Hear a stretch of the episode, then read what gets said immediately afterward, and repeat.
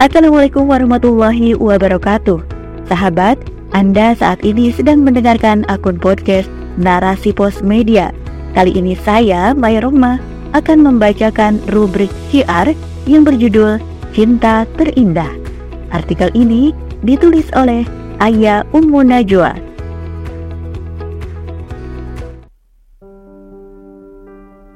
Sahabat, dicintai adalah hal paling indah bagi kita manusia. Setiap orang menginginkan untuk bisa dicintai, baik oleh suami atau istri, anak, orang tua, keluarga, sesama manusia. Akan tetapi, ada satu cinta yang seharusnya manusia saling berlomba untuk mendapatkannya. Untuk menggapainya tidaklah mudah, mengharuskan ada usaha keras dan serius. Cinta ini adalah ruh bagi hati seorang hamba.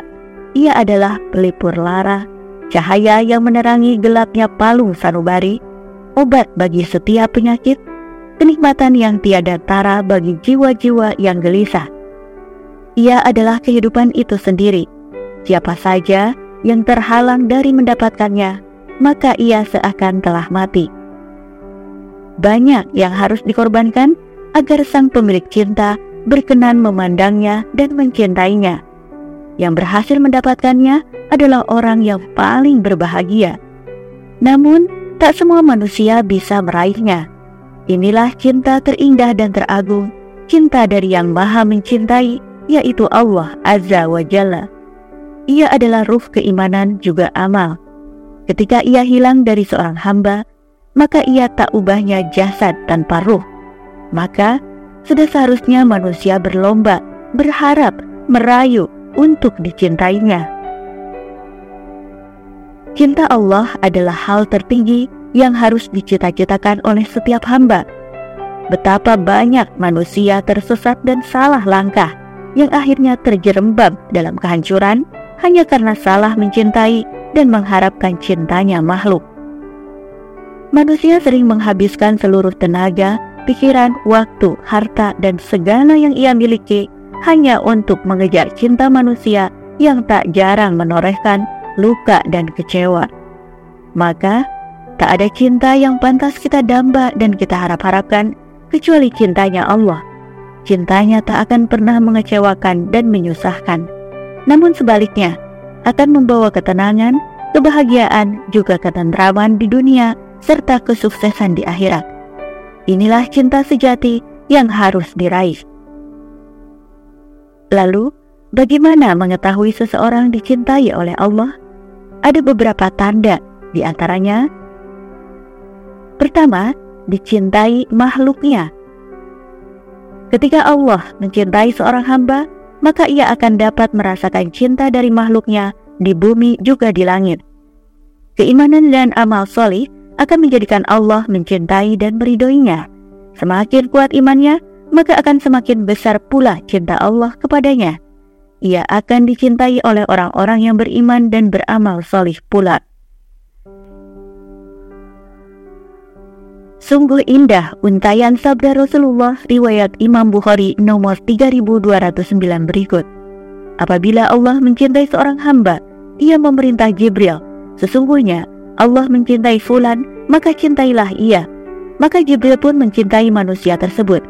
Kemudian Jibril menyeru penduduk langit, Sesungguhnya Allah mencintai si fulan, maka cintailah ia. Maka penduduk langit pun mencintai orang itu, lalu ia menjadi orang yang diterima di muka bumi.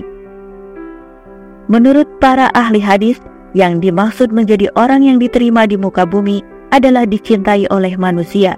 Cinta Allah akan membentuk keterkaitan dengan cinta manusia pada orang tersebut. Sebagaimana dinyatakan Allah dalam surah Maryam ayat 96 orang beriman dan beramal salih, Allah jadikan manusia di sekitar mereka mencintainya. Yang dimaksud orang di sekitarnya mencintainya adalah orang-orang yang beriman dan beramal salih pula, bukan pendusta ataupun orang-orang fasik. Sebagaimana fakta bahwa Rasulullah yang merupakan manusia paling sempurna keimanannya saja, banyak juga orang yang membencinya dan memusuhinya. Jawabannya, yaitu orang-orang yang mencintai beliau adalah orang-orang solih, bukan para pendosa dan orang yang suka bermaksiat. Kedua, berada dalam kebaikan. Ketika Allah mencintai seorang hamba, maka Dia akan mendekatkannya kepadanya, sehingga ia akan senantiasa mudah dan ringan dalam melakukan ketaatan serta dijauhkan dari keburukan. Ia akan ringan dalam ibadah dan segala hal yang dapat mendatangkan pahala. Sebaliknya, ia akan benci dengan segala hal yang dapat membuatnya dimurkai Allah. Sebagaimana sabda Rasulullah riwayat Imam Ahmad nomor 3267. Sesungguhnya, Allah memberikan kenikmatan dunia kepada hamba yang dia cintai maupun yang tidak dia cintai. Namun, dia tidak memberikan kenikmatan agama, melainkan hanya kepada hamba yang dia cintai. Siapa saja yang Allah beri kenikmatan agama, maka sungguh Allah telah mencintainya. Ketiga, dikabulkan segala doanya. Apabila Allah telah mencintai seorang hamba, maka segala pintanya pasti dikabulkan oleh Allah. Sebab Allah Maha Pemurah, Allah Maha Pemberi, cintanya tidak akan mengecewakan. Dia akan menjadi wakil dari orang yang beriman. Sebagaimana dinyatakan dalam sabda Rasulullah riwayat Bukhari nomor 6502 berikut.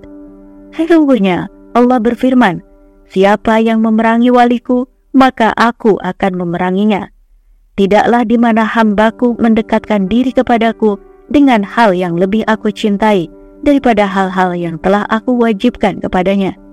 Senantiasalah hambaku mendekatkan diri kepadaku dengan amalan-amalan sunnah sampai aku mencintainya.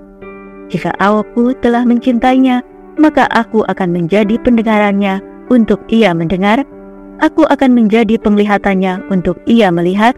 Aku akan menjadi tangannya untuk ia memegang, dan aku akan menjadi kakinya untuk ia melangkah. Apabila dia memohon kepadaku, pasti aku memberinya, dan jika dia meminta perlindunganku, aku pasti akan melindunginya. Keempat, diberikan cobaan. Jangan pernah kita berpikir bahwa ketika Allah memberikan cobaan terus-menerus kepada seorang hamba, berarti Allah membenci hamba tersebut.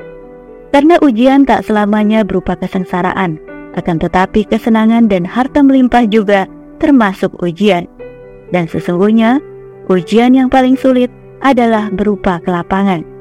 Perlu dipahami pula bahwa tanda cinta Allah tidak melulu berupa keindahan dan kenikmatan semata, tetapi juga kadang berbentuk kesusahan dan beratnya ujian. Sungguh, Allah ketika mencintai hambanya pasti akan mengujinya dengan musibah untuk menyucikannya Ibarat ujian sekolah, ketika guru memberikan lembar ujian kepada para muridnya, hal itu bertujuan agar murid mampu menyelesaikan permasalahan yang hasilnya akan dinilai oleh guru di akhir semester. Begitupun dengan ujian hidup. Allah memberikan ujian kepada manusia untuk menilai setiap kemampuan hambanya dalam menghadapi permasalahan hidup, baik masalah keluarga, anak, harta, lingkungan kerja, juga permasalahan lainnya.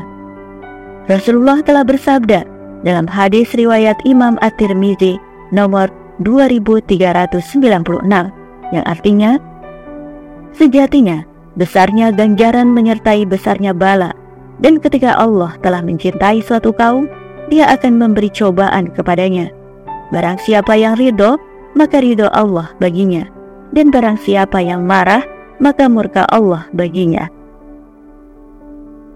Kelima, diberikan husnul khotimah.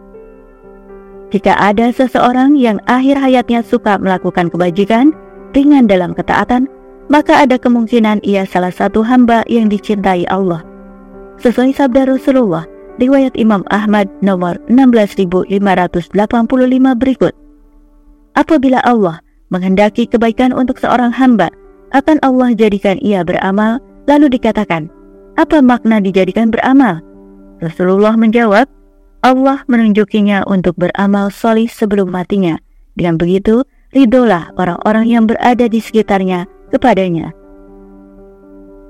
Sahabat, sungguh, kita adalah hamba-hambanya yang beruntung di atas muka bumi ini. Kita telah diperkenankan untuk tahu siapa Tuhan kita, diperkenankan untuk menyebut-nyebut namanya, diizinkan oleh Allah untuk mengetahui bahwa pencipta kita adalah Dia. Itu merupakan karunia yang luar biasa, sebuah keberuntungan yang dahsyat, yang luas tak terbatas. Ia adalah bukti kasih sayang Allah kepada kita.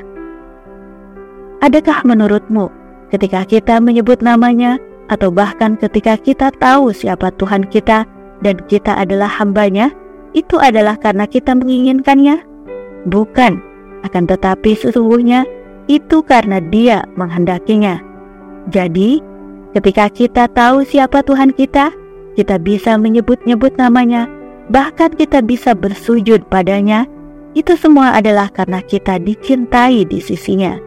Dan dia mengizinkan kita untuk menghadap kepadanya. Itulah cinta terindah, cinta teragung bagi seorang hamba, maka jangan pernah kita lepaskan. Wallahu a'lam bisawab.